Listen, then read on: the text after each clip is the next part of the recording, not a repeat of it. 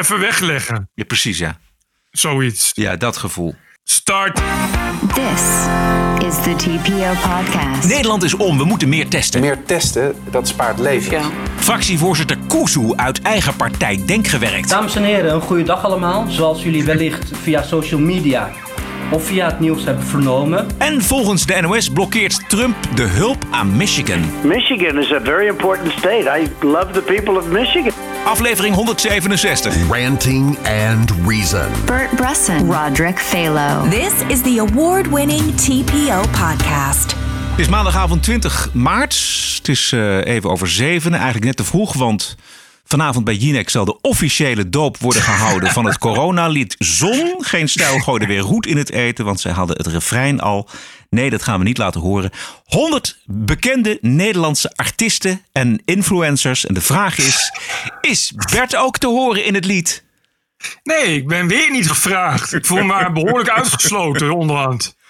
Ja, ik bedoel, 100 BN'ers. Ik wist niet eens dat we 100 BN'ers hadden. Nee, nee. En dan denk je dus, er zijn 100 BN'ers.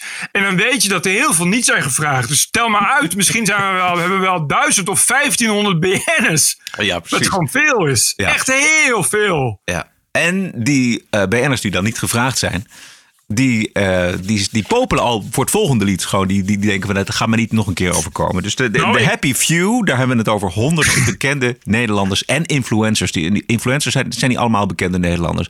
Dus ik denk dat dat er gewoon 100 zijn. Nou, eh, ik zag die namen en ik kende er maar Oh. heel weinig. Noem er eens een paar Maar- die je dan wel kent. Gordon. nee, maar ik, ik, ik bedoel, dat zijn influencers. Dat, is, dat zijn echt mensen waarvan ik nog nooit ook ooit maar iets heb gezien. Want die doen alleen dingen op YouTube of zo. Weet je wel? En ik, ik kijk dat verder nooit. Dus die ken ik niet eens. Maar dat was dat is sowieso die BN-inflatie al tien jaar gaan. Dat is al echt sinds, sinds eh BN'ers dans op het ijs en dat soort shit. Kreeg je al eh, familieleden van BN'ers waren dan ook ineens BN'ers, weet je wel. Dus dat zit er nu ook in. Maar eh, als dit net zo succes was als het Koningslied, dan, dan kan ik wel weer popcorn uit de kast halen. ik want denk- dat is gewoon grappig. Ja, ik denk dat, dat mensen toch in hun hoofd, in hun achterhoofd zitten met We Are the World. Dat idee, dat is nog een beetje uit mijn jeugd. Dat was Ja, dat ken ik. Ja. USA for Africa, die periode. Eh, maar dat had nog een doel tenminste. Dat was namelijk geld ophalen. Was ook deugen. Maar deugen met een, nou ja, met, een, met, een, met een mogelijkheid tot geld ophalen. Ik geloof niet dat het echt heel erg gelukt is bij, eh, bij eh, We Are the World. Nee, Maar hier is helemaal geen sprake van geld ophalen volgens mij. Wel. dat is het allerergste. Weet je, dit is volstrekt doelloos. Het enige doel, dat dient het ego van het deelnemende BN'ers. Dat natuurlijk het ziekmakende. Dat, dat natuurlijk... Ja, het is natuurlijk van ja, we gaan een hart onder de riem van de zorgmedewerkers en bla bla. Maar ja, die voelen natuurlijk ook wel een beetje aan van Een ja, luister hart onder de riem. Ja? Ja, weet je, eh, wij zijn hard aan het werk. eh, en eh, weet ik veel wat. En nu zie ik weer BN'ers die komen verkondigen wat ze allemaal met ons hebben. Maar weet je, zelf niks doen. En ik kan me wel voorstellen dat mensen dat ook wel een beetje zat worden. En ik las ook wel dat er toch wel heel veel kritiek op was. Ja, dat begrijp ik heel goed. Want het is, je kan natuurlijk wel, weet je, het is... eh, eh, ik, ik, vind, ik vind zelf BN'ers kut, maar je kan ook nog wel zeggen van ja, maar ja, goed, die mensen die eh, hebben natuurlijk veel volgers. Dus als je tot iets oproept, is allemaal prima. En, het is ook niet schadelijk. Als, als Gordon weer eens in de belangstelling staat, of nou dat misschien wel, maar, maar we- weet je, je begrijpt wat ik bedoel. Het is niet per se heel erg. Maar je begint nu al een beetje, het begint nu al een beetje veel van het goede te worden. Weet je, Ja. er liggen mensen heel erg ziek te zijn en te sterven. En nou ja, dan komen er ineens weer BN'ers, komen er ineens weer, kijk mij eens eh shinen. Ja. Ja. Er, er, is, er is één verzachtende omstandigheid voor de BN'ers wat mij betreft. En dat is dat er ook sprake is van uitlokking. Het, er is zoveel nieuws en zoveel emotienieuws over corona dat... eh, het, je, je kunt bijna spreken van dat je op deze manier natuurlijk het kat op het spek bindt. eh BN'ers Ja, uitlokt om eh, dit soort liederen te gaan doen. Laten we even luisteren naar een, een, een, een weekje NPO TV op één. Goedenavond. Goedenavond. 112 nieuwe sterfgevallen vandaag door het coronavirus. Uitvaart met maximaal 30 personen in deze tijd zijn niet meer zoals we die gewend zijn. De 16-jarige Shiraz lag 10 dagen in coma. Inmiddels herstelt hij thuis. We spreken hem en zijn familie. Hanno van der Weg en Brahim Lakal hebben beide een broer in een instelling. Wat betekent het voor de jongens dat ze geen bezoek meer krijgen? En een krol van 50 plus over wat het betekent dat vooral ouderen getroffen worden door het coronavirus. Viroloog Anne Wensing over de 63 coronadoden die het afgelopen etmaal zijn bijgekomen. Spoedeisende hulparts Gort, Gor Kachikian over zijn afdeling waar 30 angstige coronapatiënten liggen. En Gor Kachikian is arts op de spoedeisende hulp. Elke dag moet hij besluiten welke coronapatiënt er wordt behandeld en welke niet. En Peter Paul en Fedor hadden corona. Ze zijn aan de beterende hand, maar hun boodschap is: het is geen onschuldig griepje. Kijk, die tune is wel hartstikke goed, hè? Het, Ja. is, het is wel een lekkere tune, dit, zeg. Als, eh, als je dit soort nieuws onder zo'n muziekje zet, is het toch anders? Ja, ja Is klinkt het toch goed. ineens, ineens heel anders. Dat, eh, Een beetje, een beetje, een beetje, houdt een beetje de lucht erin. Ik hoorde dat er eh, ook eh, coronadoden eh, zijn bijgekomen in het Ja. ziekenhuis. Dat was een verspreking waarschijnlijk, maar dat, was een, eh, dat, dat klonk heel raar. Het is verdrietig, er is heel veel verdriet, er, is heel veel, er wordt heel hard gewerkt, er is heel veel onzekerheid, er is een hoop ellende.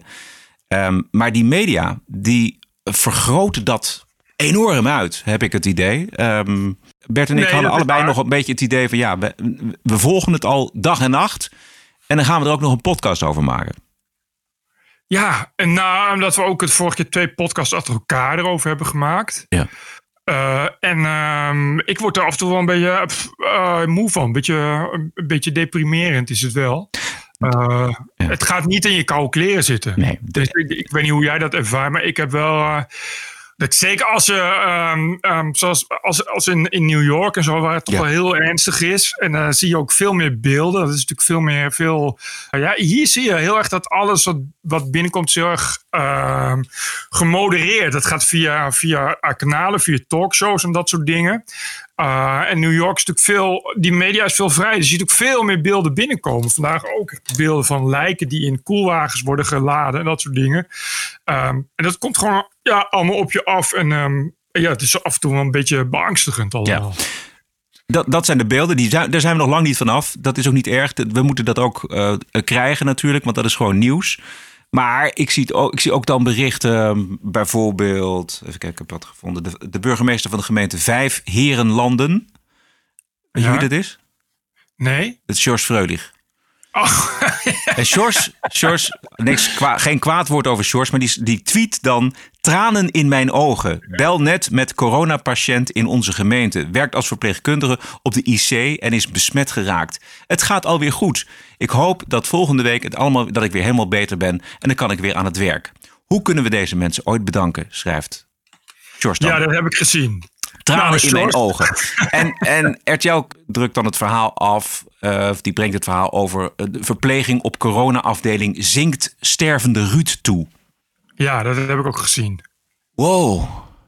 Ja, het is wel, het, ik vind het, probleem is een beetje. eh, ik, ik doe er ook al mee, want het is gewoon nieuws. En het is ook nog eens een keer nieuws te zien aan de bezoekcijfers van, van de site. Wat iedereen wil lezen, omdat iedereen ook de hele dag de tijd heeft om nieuws te lezen. Dus ja, maar ehm, het, het, het ergste is natuurlijk dat het gewoon uitzonderingen zijn. En normaal gesproken gebeuren dit soort dingen ook. Zeg maar, dus elke dag eh, in Nederland kun je wel drie mensen vinden die iets heel verschrikkelijks mee hebben gemaakt. Weet je, dat, Ja. dat gebeurt. Een auto-ongeluk of, of ja, mensen die plotseling heel erg ziek worden en doodgaan en weet ik veel wat.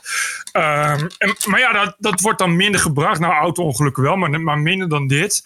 Eh, en hier, als je het hier zo brengt, heb je, krijg je heel erg het idee dat alles wat met corona te maken heeft ook zo is. Terwijl ja, het- gaat nog steeds om 17 miljoen mensen, waar een heel klein gedeelte van besmet is en, en ziek wordt.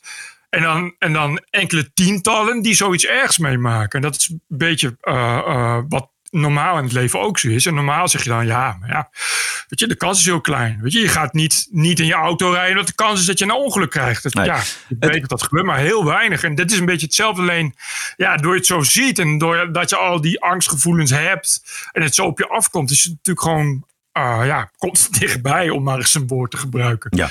Nou, is, wordt er regelmatig vergeleken met de grote griepte-epidemie van 2017. Eh, dat, dat die vergelijking gaat in heel veel gevallen niet op. Eh, daar kwamen 10.000 mensen bij om het leven. bij die griepepidemie in Nederland. Ja, enorm. Uh, ja, in dat is eigenlijk in vier maanden. Ja, dat, dat is vrijwel geruisloos uh, aan ons voorbij gegaan. Daar hebben wij heel weinig van op de media gezien. Zeker als je dat vergelijkt met het coronavirus.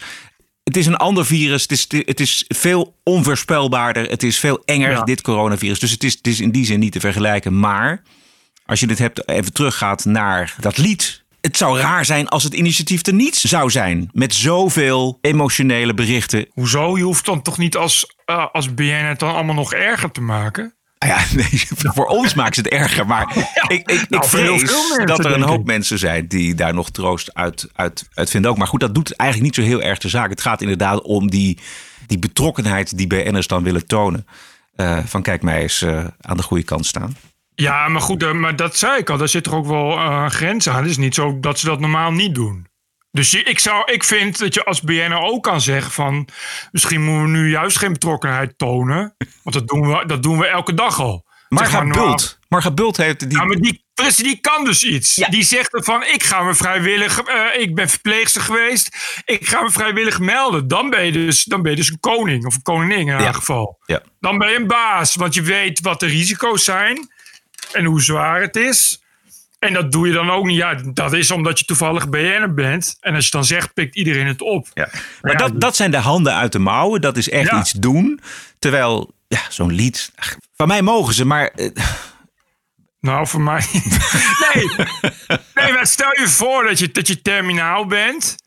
En, en dan denk je toch, nou, uh, ik wil even rustig sterven. En dan krijg je ook nog eens een keer zo'n lied voor je kiezen. Ja. Ik, ik weet niet, ja ik, ik zou niet, ik zou niet, uh, want ik heb het refrein, ik heb het niet gehoord, dat kon ik even niet aan. Nee. Dat, en, maar ik heb dat refrein gelezen en ik dacht wel van, nou, dit is dezelfde tekstschrijver als destijds het Koningslied. Dus het is ook niet dat je denkt van, nou, met zulke teksten gaan mensen nog wel even een extra traantje wegpinken. Het is wel heel slecht. En, en um, ja, nou, ik, ik, ik, ik, ik, lijkt mij, ik weet niet of, of nou echt uh, iedereen, uh, of daar iedereen echt op zit te wachten. Dat, ik kan me heel goed voorstellen van niet. Zeker wat je zegt. Kijk, bij Live Aid en dat soort dingen. Uh, is achteraf was ook wel heel erg deugen. Maar goed, ja, zeker. Maar, maar er was in die tijd zagen we dat niet zo. Maar dan, nou ja, maar goed. Eh, maar er was een, weet je, dan wordt dan ook van geld opgehaald. Iedereen weet dan van, dat had dan ook van het idee. als je nou heel veel geld ophaalt, dan is de honger opgelost. Nee, ja, dat, daar dachten we iets, toen nog. Ja. Iets, maar goed. Maar weet je, dat is een, een, doel. En dit is toch wel heel erg ad hoc ineens. Al die bands zeggen, oh, gaan een lied zingen. Ja. En dan moet dan iedereen weten. En dan wordt dan echt kritiekloos ook de media ingespuwd. En, uh, en dan komt het bij Jinek. Die, waarvan je denkt van, nou ja, dus, ik heb toch een beetje het idee dat zo'n crisis wel over de rug van zieke mensen een beetje gebruikt wordt. Ook voor zo'n programma als Jinek. Weet je, om daar maar een beetje kijkcijfers dan mee Ja, maar dat doen, we, dat doen jij ook met TPO en dat doet RTL, doet iedereen doet dat. De NOS doet het ook. Het hoort er misschien bij. Dit is ik vind wel... En we kunnen de radio afzetten. Ja? Wil ik nog even zeggen, heel goed dat ze uh, het lied Zon hebben genoemd. want? want? Virus kan misschien niet tegen zon. Oh ja, dus het, ja. Dat zal het virus leren. TPO Podcast. Jij had het al over New York als uh, nieuw epicentrum. Uh, het, het, vreemde wat ik niet wist eigenlijk, maar was dat er nog steeds passagiers aankomen op Schiphol. Um, en die komen dan uit New York. En oh, dat, ja? ja, dat zijn volgens mij iets van elke dag een vlucht. Ja. En dat is eigenlijk heel raar natuurlijk. Omdat ja, voor... daar natuurlijk mensen meekomen en, en uh, uitstappen op Schiphol. En het, het allervreemdste is dat ze niet extra gecontroleerd worden als ze voet op Nederlandse bodem zetten. Oh, daar heb ik nog niet eens, nog niet eens bij nagedacht. Is dat zo? Ja, dat, is een stuk, dat is een stuk van uh, RTL, kwam daarmee. Passagiers die aankomen op Schiphol na een vlucht vanuit de Amerikaanse staat New York, dat hard getroffen is door de uitbraak van het coronavirus, worden niet extra gecontroleerd wanneer ze voet zetten op Nederlandse bodem. Hun temperatuur wordt niet gemeten. Ook wordt niet gevraagd of zij milde klachten hebben. Dat zegt een woordvoerder van Schiphol tegen RTL Nieuws. Dat is op dit moment niet het beleid in Nederland. Dat beleid wordt bepaald door de overheid, niet door Schiphol. Dus dat zijn weer regels zijn regels. Nou, ik, ik snap dat Schiphol dat verder niet bepaalt. Maar ik snap niet dat de overheid daar nog niets ja. van heeft gevonden. Ja. Er zijn voor komende week nog dagelijks vluchten gepland van en naar New York. Ook toch een, richting New York ook. Als passagiers aankomen in Nederland moeten zij zich houden aan de voorschriften van het RIVM. Zoals een halve meter, anderhalve meter afstand. En niet meer dan drie mensen samen scholen. Verder worden zij niet extra gecontroleerd. Dat is toch raar? Ik kan me niet voorstellen dat dat op JFK Airport ook op die manier gebeurt. Boel, daar zijn Nee. sowieso de controles al veel en veel scherper. Maar dat je hier vanuit een gebied waar het explodeert, het coronavirus, dat je dan niet wordt gecontroleerd, extra gecontroleerd op temperatuur, et cetera, dat is, vind ik heel raar. Het is natuurlijk hetzelfde als, als mensen die destijds uit Wuhan kwamen. Weet je, je komt gewoon uit een gebied waar, waar momenteel het virus explodeert. Ja, exact. En dan is eh, RTL heeft ook nog een woordvoerder van het RIVM gesproken. En die zegt: het hele maatregelenpakket zoals we dat hebben, gaat ervan uit dat mensen met klachten thuis blijven. Dat geldt ook voor mensen die komen uit New York. Er is ook geen aanvullend advies. Er geldt dat iedereen met lichte klachten binnen moet blijven. Dat ehm, behoeft kamervragen, zou ik zeggen. Zeker omdat het daar helemaal uit de hand Ja. dreigt te lopen in New York. Dus dan kom je in een vliegtuig uit het grootste, momenteel het grootste risicogebied Ja. van de westerse wereld. En eh, dat is, ja, we hebben geen, geen beleid. Het klinkt ook allemaal weer zo. Oh ja, nee, daar hebben we dan weer geen beleid over. Weet je, ja, wat heeft het dan voor zin inderdaad? En dan wel tegen, tegen mensen die, die een auto eh, eh, twee meter van elkaar geparkeerd hebben, die moet je dan een boete geven. En eh, een drone, drones gaan inzetten op het strand, weet je wel. Ja, prima als je, als je regels maakt, maar dan, dan moeten die toch voor iedereen gelden. Dus duidelijk ook weer dat er dan, ja, is gewoon niet over nagedacht. Nee, sterker mij. nog, Bert, het, het is ook zo dat de Nederlandse grenzen dicht zijn. Of in ieder geval de Schengen-grenzen. Ja. Weet je, er wordt, dat- die, die zijn hermetisch gesloten. Dat wordt allemaal gecontroleerd. Er mag niemand in. Maar eh, Schiphol is verder geen probleem. Hele Ja, vreemde, vreemde gang van zaken. Ik, het, eh, geen, ik snap, je kan die mensen moeilijk doodschieten, weet je. Maar je, je kan ze toch controleren? Ja. Of ze minstens temperatuur meten. En dan zeggen van ja, je moet twee weken thuis blijven. Je kan toch niet erop vertrouwen. Want die mensen, ja, die gaan, eh, weet ik veel, de trein in en de taxi. En eh, nou ja, dus, ik weet niet, er zullen nog wel meer. Ik weet niet hoe druk het is op Schiphol. Ongetwijfeld minder druk dan normaal. Maar vast niet uitgestorven. Dan wil, je wil die mensen dan toch weten, in elk geval wie het zijn. Ja. Het gaat gewoon niet om een miljoen mensen per dag. Ik denk dat het te maken heeft ook met te weinig testen. Dat is het onderwerp Ja, van de afgelopen ja. week natuurlijk. Ehm, Ik ben er nog helemaal niet uit, jij. Ik snap gewoon niet waarom nog steeds. Ik, het, is, het gaat de hele tijd over, ja, we hebben te weinig onderdelen. eh, en te weinig plastic dingen en zo. En het net als met die mondkapjes. Is het niet gewoon zo dat heel China momenteel eh, vol ligt met mondkapjes en, en onderdelen voor testen? Waarom duurt het allemaal zo lang? Donderdag zat de baas van Roche, Esther de Roy, bij Jinek. En ze speelde mooi weer, want het recept was op internet. Maar Partij van de Arbeid fractievoorzitter Lodewijk Asscher, die zat ook aan tafel, die trok het niet meer. Het RIVM, de, de experts zeggen, als we meer kunnen testen, wordt onze aanpak beter. Als je dan je realiseert dat we in een race tegen de klok zitten om besmetting te voorkomen, dan is meer testen, dat spaart levens. Dat betekent dat ik een beroep wil doen op u en, en alle collega's in uw branche om de volksgezondheid voor te laten gaan. En, de volksgezondheid voor laten gaan betekent dat je niet zegt, eh, eh, er staat ergens een recept op internet, maar u heeft dan niet de kwaliteit die nodig is voor onze machines. Dat betekent verantwoordelijkheid nemen om het hele proces van A tot Z zelf met die microbiologen door te nemen, zodat we niet zo'n tekort oplopen. Precies. Ik heb daar toevallig een deskundige die, eh, die daar ook iets van, die daar verstand van heeft gesproken. En die zegt ook van ja, weet je, er wordt nu wel heel erg gedaan alsof het allemaal de schuld van Roche is. Alleen Roche heeft gewoon gezegd, dat hoor je net, dat hoor je net ook zeggen van ja, dit gaat over zo'n, wat is het, lysyl buffer, een van de goedje wat je dan nodig hebt voor, voor die testen. Ja. En die Roche heeft gezegd, ja, dat, dat recept is gewoon wel alleen, al lang verkrijgbaar. Alleen eh, kunnen we dan niet de garanderen dat het exact zo is zoals, zoals wij het maken. Dat is wat je net zegt. Weet je? Dan krijg je wel cola, maar geen Coca-Cola. Ja. Eh, maar het betekent niet dat je daar niet mee kan testen. Dus, en dat is een beetje het, het, vreemde van het verhaal. Dat zagen we in Groningen ook. Dat, dat die, die, eh, die arts die zei: Ja, ik kan gewoon testen. Want ik heb gewoon voldoende, voldoende spullen opgeslagen. En dan gaat het gewoon om, om ja, plastic dingen. En die hoeven niet per se door Roche gemaakt te worden. Je kan bij Roche op, op, een bepaalde manier testen. En dan, dan geeft de Roche een bepaalde garantie bij. Maar dat betekent niet dat je niet kan testen. En daar vind ik het een beetje mank gaan. Dat we, dat we kennelijk wachten op, op Roche. Terwijl er had volgens mij ook al veel eerder getest kan worden. Maar dan op een andere schaal of op een andere manier. Uh, iets minder zekerheid.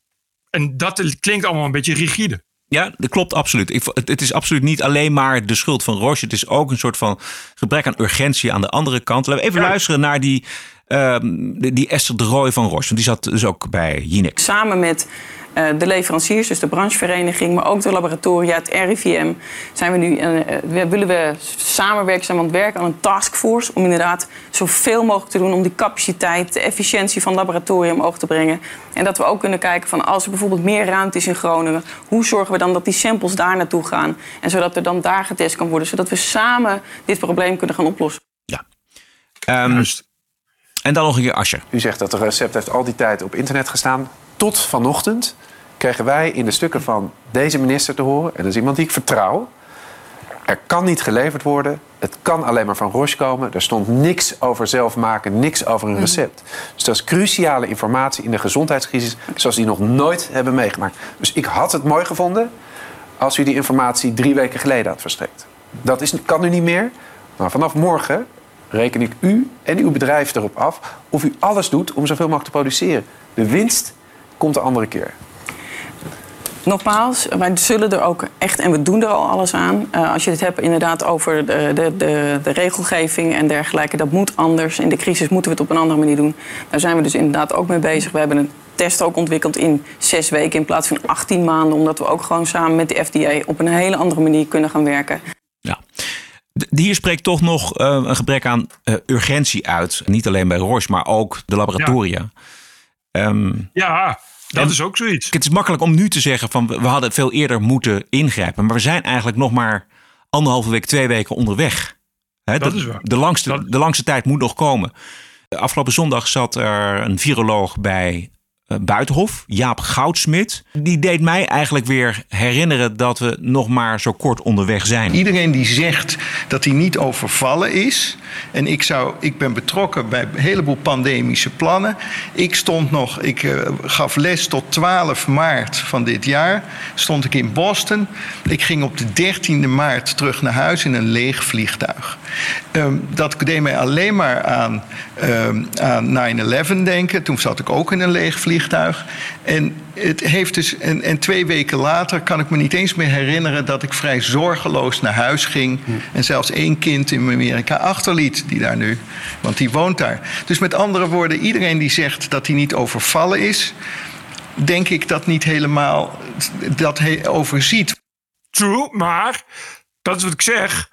Uh, volgens mij, weet je, mondkapjes bijvoorbeeld en beschermende kleding. Ik begrijp niet waarom dat zo lang duurt. We hebben ons ook laten overvallen met, het, met dit idee. Namelijk, uh, als er de nood aan de man is, dan lukt het wel binnen, binnen afzienbare tijd. Dat is een van de redenen waarom de agrarische sector in Europa zo enorm wordt gesubsidieerd. Omdat uh, Europa niet meer de voedselverstrekking en de voedselproductie ergens anders wil hebben. Niet in Afrika, mhm. niet in Amerika. En de les, denk ik, van deze crisis zal zijn dat we pakhuizen nodig hebben met uh, testen, met uh, mondkapjes, dat soort zaken. Ja, en dat we, dat we het zelf moeten produceren kunnen. Ja, exact. Je moet dat niet. Dit, het is natuurlijk, hier zie je wel inderdaad de gevolgen van het. Uh, uh, hoe zegt het, globalisme. Ja. Dit, dat is wat je. China, China valt weg en ineens heb je een probleem. En inderdaad, dan wil ineens iedereen tegelijkertijd. Uh, wil het dan hebben. Terwijl ja, China is dan nu pas weer aan het opstarten. Uh, precies hetzelfde met medicijnen. Daar, daar, komen ze nu ook tekort. Medicatie is precies hetzelfde probleem. Dat wil ineens iedereen nu hebben. Maar ja, laag lonen. Uh, we willen goedkoop inkopen. Hebben we altijd, altijd gedaan. Ja, als je zelf niks hebt, dan wordt het lastig. Dat zal in elk geval de les zijn die we hiervan leren. Ja. Maar ja, dat is voor nu een beetje te laat. Ja, nou misschien nog niet helemaal laat. Uh, het is goed dat we deze week zo met dat testen bezig zijn. Dat testen werkt, dat zien we in Duitsland, waar relatief weinig mensen sterven aan dat virus. Dat is een van de belangrijkste uh, virologen van het land. Christian Drotzen heeft daar iets over gezegd. Der Grund, warum wir in Deutschland im Moment so wenige Todesfälle haben gegenüber der Zahl der Infizierten, ähm, ist hinreichend damit zu erklären, dass wir extrem viel Labordiagnostik machen in Deutschland. Ähm, Schätzungen, die jetzt in diesen letzten Tagen reinkommen, ähm, lassen vermuten, dass wir im Bereich von einer halben Million PCR-Testen jede Woche durchführen in Deutschland. Dus dat is een half miljoen testen per week, zegt ja, hij dat? Ja, exact. Ja. ja, daar hebben ze het dus wel. Ja, daar gaat je percentage wel van naar beneden. Ja. Ja, dan zit je dan inderdaad op 0,4 of 0,5 procent. En dan uh, is het ineens al een stuk minder uh, grote crisis uh, dan dat het nu lijkt. Hè? Dat je het aantal, je, je dodenpercentage in de procenten oploopt. Maar ja, je komt daar niet mee dat je IC volloopt natuurlijk. Je kan testen wat je wil, maar als mensen ziek worden, dan moeten ze naar de IC. Ja. Dus testen doet niet alles, maar testen geeft in elk geval een beter beeld van waar we tegen aan het vechten zijn. Dat is wel belangrijk. Ja. Zullen we nog een ander onderwerpje doen? Nou, graag. This is the TPO podcast. Het vertrek van fractievoorzitter Kuzu uit zijn eigen partij Denk. Dat heeft een luchtje gekregen, Bert. Dankzij het speurwerk van Ton F. van Dijk van HP De Tijd. Officiële de officiële lezing luidt dat het politieke werk een te grote wissel trekt op Kuzu's privéleven. Nou, dat kan natuurlijk, omdat de heer Kuzu er een relatie op nahield buiten zijn huwelijk. Maar dat gaat ons verder niks aan. Wat ons wel wat aangaat, is dat er een eh, grensoverschrijdend voorval heeft plaatsgevonden met een stagiaire. En dat zijn Matties Osturk en Azarkan dat nu gebruiken om van Kuzu af te komen. Terwijl Kuzu toch altijd het onvermoeibare symbool is geweest van vrouwenemancipatie. Ik sta hier voor emancipatie, ik sta hier voor meer vrouwen in topfuncties. Precies. Ja, heel netjes Kuzu. Goed, goed geregeld dit. Ja.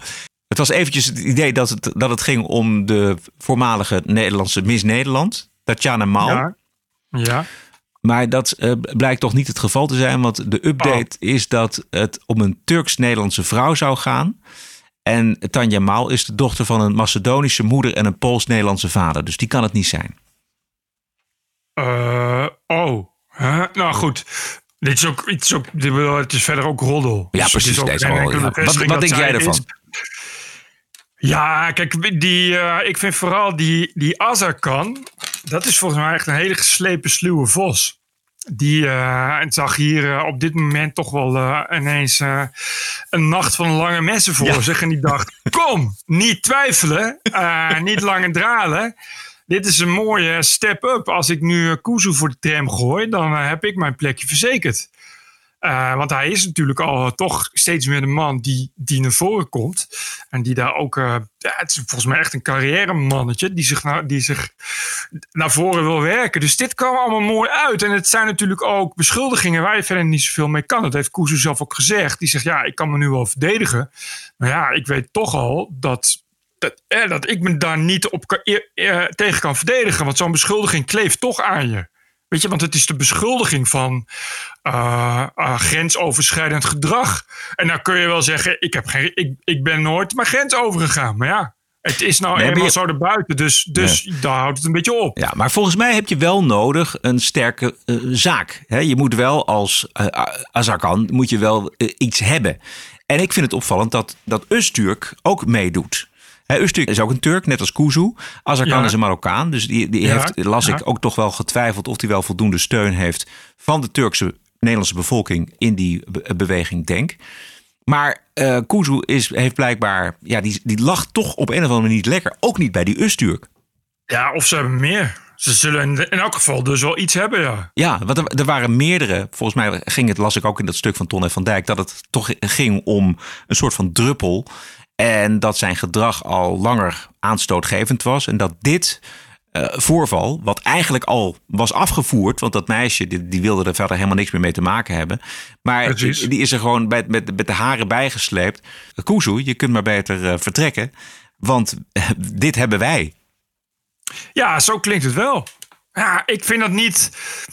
Uh, ja, ik vind dat niet iets wat heel raar klinkt voor mij denk, eerlijk gezegd. Wat? Ja, ik vind dat niet heel raar klinken voor, voor, voor binnen denk. Dit is denk ik wel hoe, uh, uh, hoe, hoe, hoe de dingen worden gespeeld bij zo'n club. Ja, volgens mij is dat niet exclusief voor Denk. Dit is, dit is gewoon, ik weet niet of je dat toevallig hebt, maar via Apple TV naar de Morning Show aan het kijken. Dat is een geweldige serie over een ochtendprogramma met Jennifer Aniston. Zeven afleveringen. En daarin gaat op een gegeven moment ook, speelt ook een MeToo-gevalletje. En oh daarin gaat het ook echt iedereen voor zich. En het wordt gebruikt om iemand, om, om mensen te wippen, jongen. Dat, dat gaat echt van dik hout zaagt men planken. En dat speelt hier bij Denk natuurlijk ook. Ja, nee, en het is, maar dan zal het toch wel zo zijn dat, hij ook, dat, er, dat er ook iets is. Ja. Waarmee ze hem, hem kunnen, hem kunnen ja. zover hebben kunnen krijgen dat hij meteen, meteen opstapt. Ja. Dus dat, dat zal toch wel iets zijn. Of het dan dit is. Maar wat je zegt, hij lag dan al uh, niet lekker. Hij heeft natuurlijk, natuurlijk vaker dan dat soort dingen. Hij heeft natuurlijk toch ook wel, uh, ja het zal dan wel om vrouwen gaan. begrijp ik een beetje ook. Het zal wel vaak een beetje misgaan. Ja. Wat, wat natuurlijk in, in een conservatieve achterban niet zo lekker ligt ook. Nee, dat denk ik ook. Dat is denk ik een, een, een groot probleem. Hij is natuurlijk getrouwd. Hij is getrouwd. En heeft twee kinderen, geloof ik. Ja, ja. En wat ook heel grappig, uh, doorzichtig is natuurlijk dat juist in het, in de, toen die coronastorm woedde, om, om dan met het nieuws naar buiten te komen. En iedereen uh, keek er een beetje langs en dacht van nou, het zal wel. Maar die Ton van Dijk, ja. die ging eens eventjes inspitten. En die kwam toch met een heel mooi verhaal naar buiten. Ja, het was een mooi verhaal. Ja, het was een goed verhaal. Goed. Het was een goede scoop ook. Ja. Um, zullen we waarderen en doneren, Bert? Ja, want ik heb heel veel. Ik ook. Hey, ik, leuk, ik mag, ik mag er ook een voorlezen, oké? Okay? Ja. waarderen en doneren in de TPO Podcast. En zo is het. We hebben best een hoop uh, brieven en e-mails gehad. Volgens mij had het ook een beetje te maken, Bert, met ons verschil van mening de vorige week. Ja, of... en de dubbele podcast. Dat is ook nog een reactie. Oh, oké, leuk. Die tweede. Oké. Okay.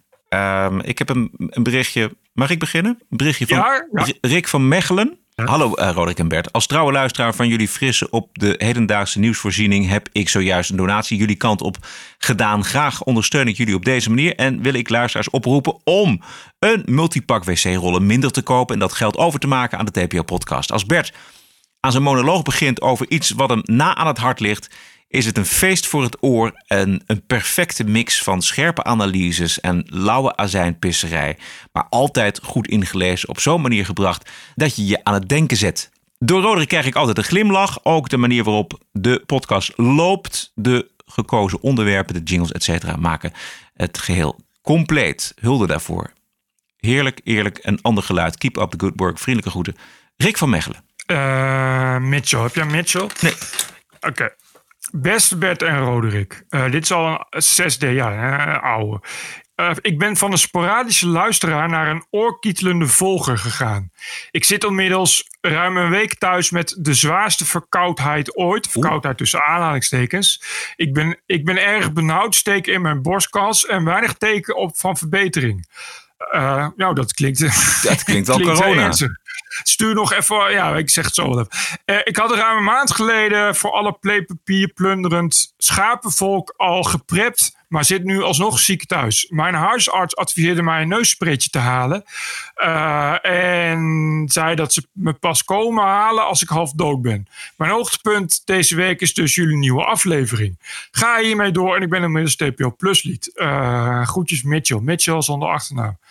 Oké, Mitchell stuur even nog een mailtje hoe het nu gaat. Ja. Want het klinkt wel heel, uh, klinkt wel heel erg. Ja, dit klinkt serieus, Mitchell. Ik hoop dat het, uh, dat het snel beter gaat, maar hou ons even op de hoogte daarvan.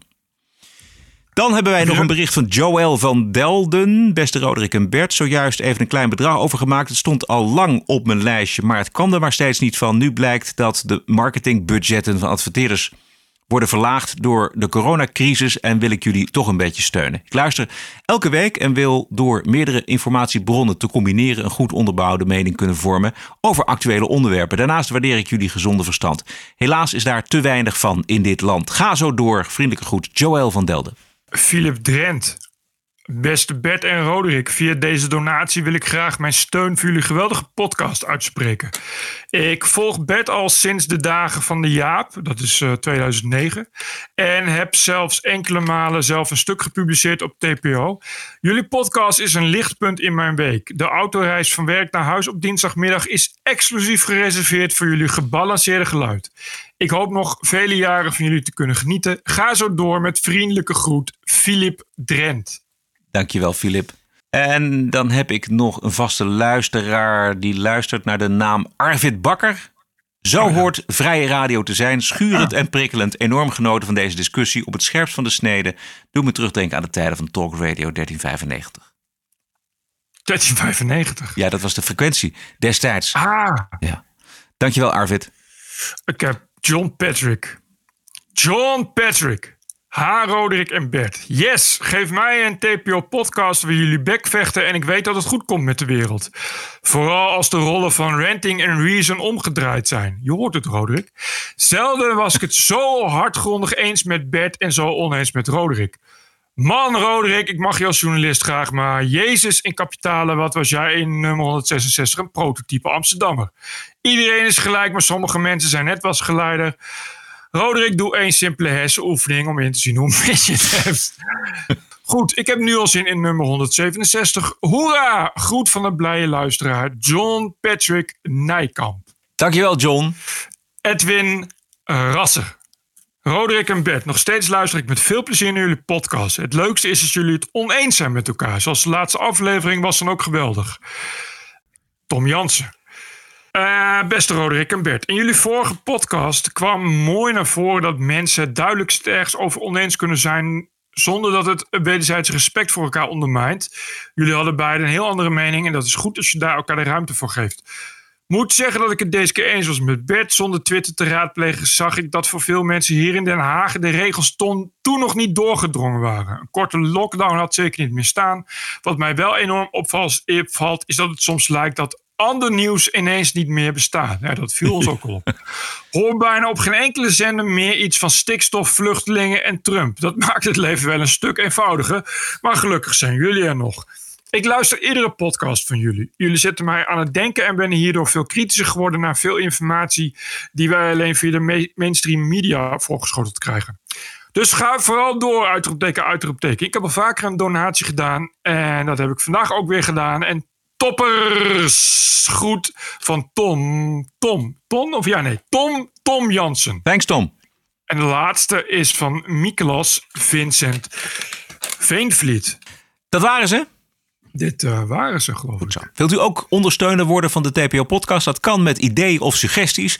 Mailen kan naar info.tpo.nl. En een financiële ondersteuning stellen wij in deze tijden op hoge prijs. Waarderen en doneren kan op tpo.nl slash podcast. En wat is dit? This is us. This is our country. This is CNN breaking news. I believe that the president is literally an existential threat. Stop the hammering out there. Who's got a hammer? Make America great again. New York Times and CNN have also smeared veterans like myself. This video was taken during a heated exchange with an unidentified man who called Cuomo Fredo. Stop the hammering. This is the TPO podcast. News 630 WMAL, Washington. Alarmerende tweet van NOS-correspondent Arjen van der Horst afgelopen zaterdag. Hij tweette: Gouverneur Michigan trekt aan de noodbel en vraagt Washington om hulp. Ze bekritiseert de trage reactie van de regering. Trump is hier niet van gediend. We don't like to see the complaints, heeft Trump bij Sean Hannity op Fox gezegd. Michigan krijgt voor straf geen beademingsapparatuur. Is de conclusie van uh, Arjen van der Horst.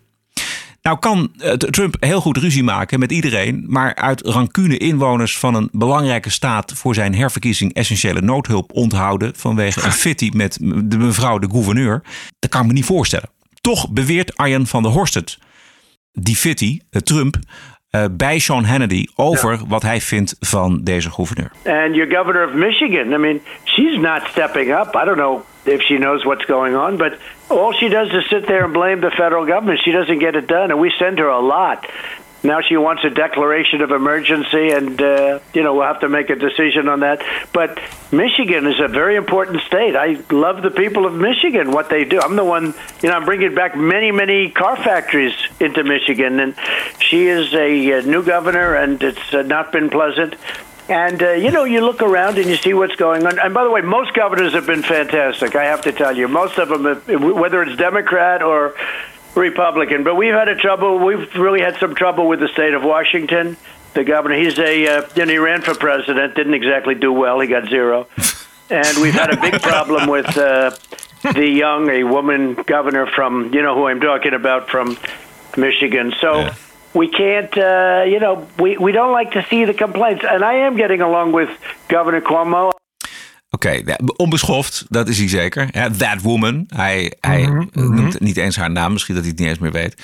Um, En dit is het radiofragment waar de NOS-correspondent zich op baseert. Governor, do you think that this is going to get done despite the uh, the partisanship that seems to be happening here? Are you going to be able to work with the, the White House and get the equipment and the masks and things we need? Absolutely. That's all I've been striving for this whole time. We need assistance. You know, when the federal government told us that we needed to do go it ourselves, we started procuring every item we could get our hands on. But what I've gotten back is that vendors with whom we had contracts are now being told not to send stuff here to Michigan. Dit is wat ze zegt.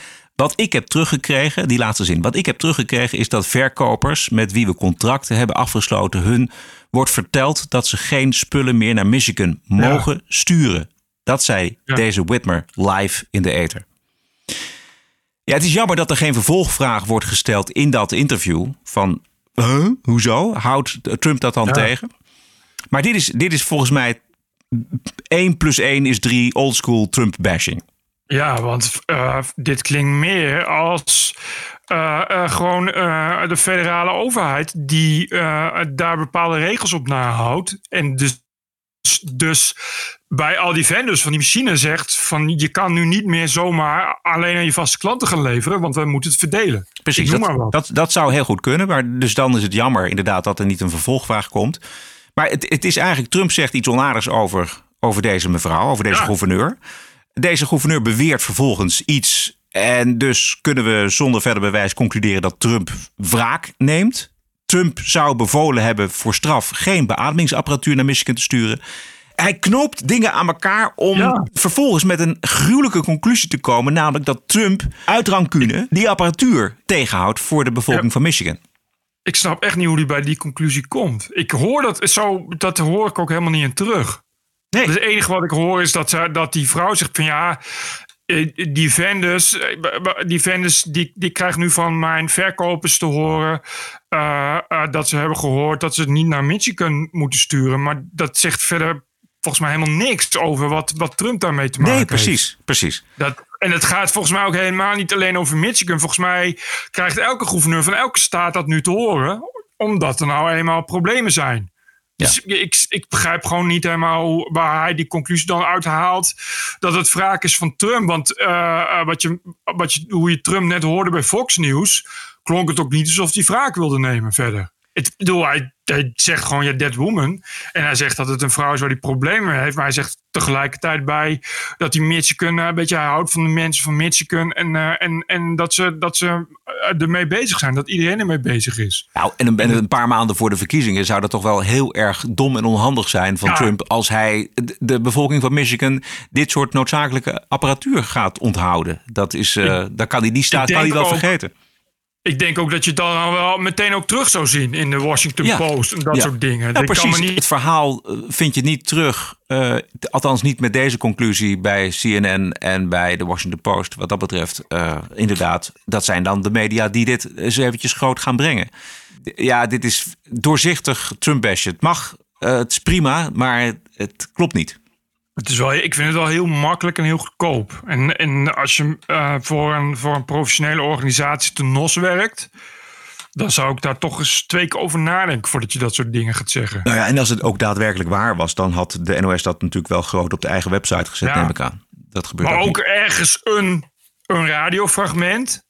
Weet je, en daar trek je dan die conclusie uit. Ja, Dat- dit is- dan ga je, dat, ja. dat is toch raar dan? Ja. Ja, ik vind het ook niet goed. Erg dom ook. Tot zover aflevering 167. Commentaar mag naar info.tpo.nl. En een financiële ondersteuning wordt zeer gewaardeerd. Kan naar tpo.nl slash podcast. Daar vindt u de mogelijkheden om iets te doneren. Qua financiële ondersteuningen, het, is, eh, ja, het ziet er niet echt best uit voor mediabedrijven. Ook wat ik meekrijg, is dat, eh, dat, dat, dat eh, schrok ik trouwens van. Het viel me op dat de grote kranten, ook in Nederland, als die al 10% van hun advertentieinkomsten verliezen, staan ze al bijna op omvallen. Wat ik gewoon niet, niet snap. Omdat eh, ja, die, die van Tillo's en zo, die, die, de persgroep, Ja, de die Belgen. maakt toch die maakt toch elk jaar heel veel winst. Maar het schijnt echt meteen een. eh, het schijnt echt zo slecht te gaan dat het meteen een probleem is. Terwijl eh, er wordt, er wordt gecalculeerd op een, een omzetdaling door advertenties, door minder advertenties van 30%. Wat dus kennelijk drie keer de toegestane hoeveelheid is voor, uh, voor, uh, voor krantenorganisaties. En ja, de huis- en huisbladen gaan stuk. Wat wat, uh, wat, want die hebben nul marge. Dat, dat is natuurlijk iets waar überhaupt geen winst wordt gedraaid. En alleen heel veel kosten. En dat is natuurlijk wel best wel de pest voor uh, lokale journalistiek. Omdat je daar, daar echt, dat is daar de enige die in, in de raadsvergadering, zou ik maar volgen, zou ik maar zeggen. Dus dat je ook echt weet wat er überhaupt gebeurt in je gemeente. En uh, ja, de, ik las inderdaad dat, dat 20% van de lokale omroepen uh, waarschijnlijk weg is als dit zo blijft. Uh, door, als de, de crisis zo aanhoudt. Dus dat is, dat is best wel ja, ernstig. Ja. Maar ja, dat zag je ook bij John de Mol. Weet je, dat is toch iemand waarvan je denkt, die heeft heel veel geld. Maar is meteen eigenlijk al, al ja, ik, ik ga personeel ontslaan en ik ga bezuinigen. Ja. Ik denk dat ze verder, verder kijken, dat ze heel, ook heel erg geschrokken zijn. Dat zie je ook op de beurs bijvoorbeeld. Dat uh, uh, mensen onmiddellijk financiële conclusies trekken die ze uh, denk ik niet kunnen trekken, maar gewoon uit angst reageren. En dat zal ook in de mediawereld het geval zijn worden in elk geval klappen. En ik heb daar, moet ik zeggen, ik ga dat ook voelen. Ik bedoel, bij mij zijn er dan ook minder adverteerders. Maar ik heb niet zoveel kosten. En uh, uh, als het moet, uh, dan kunnen we de kosten afschalen. want ja, dat gaat om een salaris en we kunnen onszelf ook minder uitbetalen, weet je wel? Ja. En ik heb niemand in dienst. Maar ja, het, ik, wat ik begrijp is dat het uh, inderdaad voor kranten wel echt, uh, echt een probleem gaat worden. Kijk, wat ik, wat ik mooi zou vinden, dan hebben we het nog niet eens zelf over de TPO-podcast, maar dat mensen iets meer stilstaan bij de mensen waar de grote klappen vallen. En dan hebben we het natuurlijk vooral over de kleine ondernemers.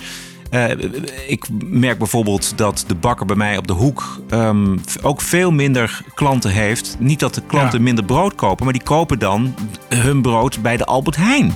He, ja. Bij die grote firma's. Denk je, ja, doe dat dan nou niet. Zorg een beetje ervoor dat je die kleine, de kleine man ondersteunt. Die marges zijn dus kennelijk kleiner dan je denkt. Precies.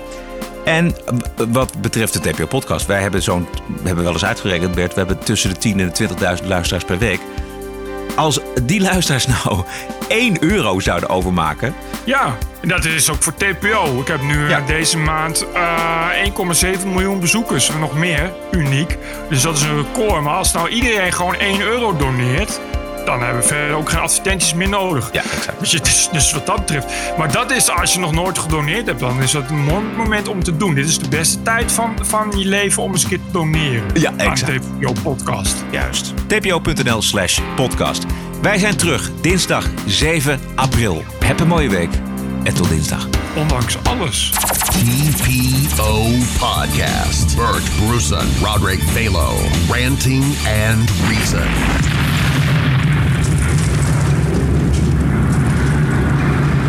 Geef ik dat slotwoord aan de heer Kuzu. Voorzitter, dank u wel. Voor ons staat de wil van de vrouw voorop. Als de vrouw naar de top wil, moeten wij ervoor zorgen dat die weg verschoond wordt van alle obstakels. Podcasting is the TPO podcast in the Netherlands. Bert and Roderick. What a show. I'm telling you.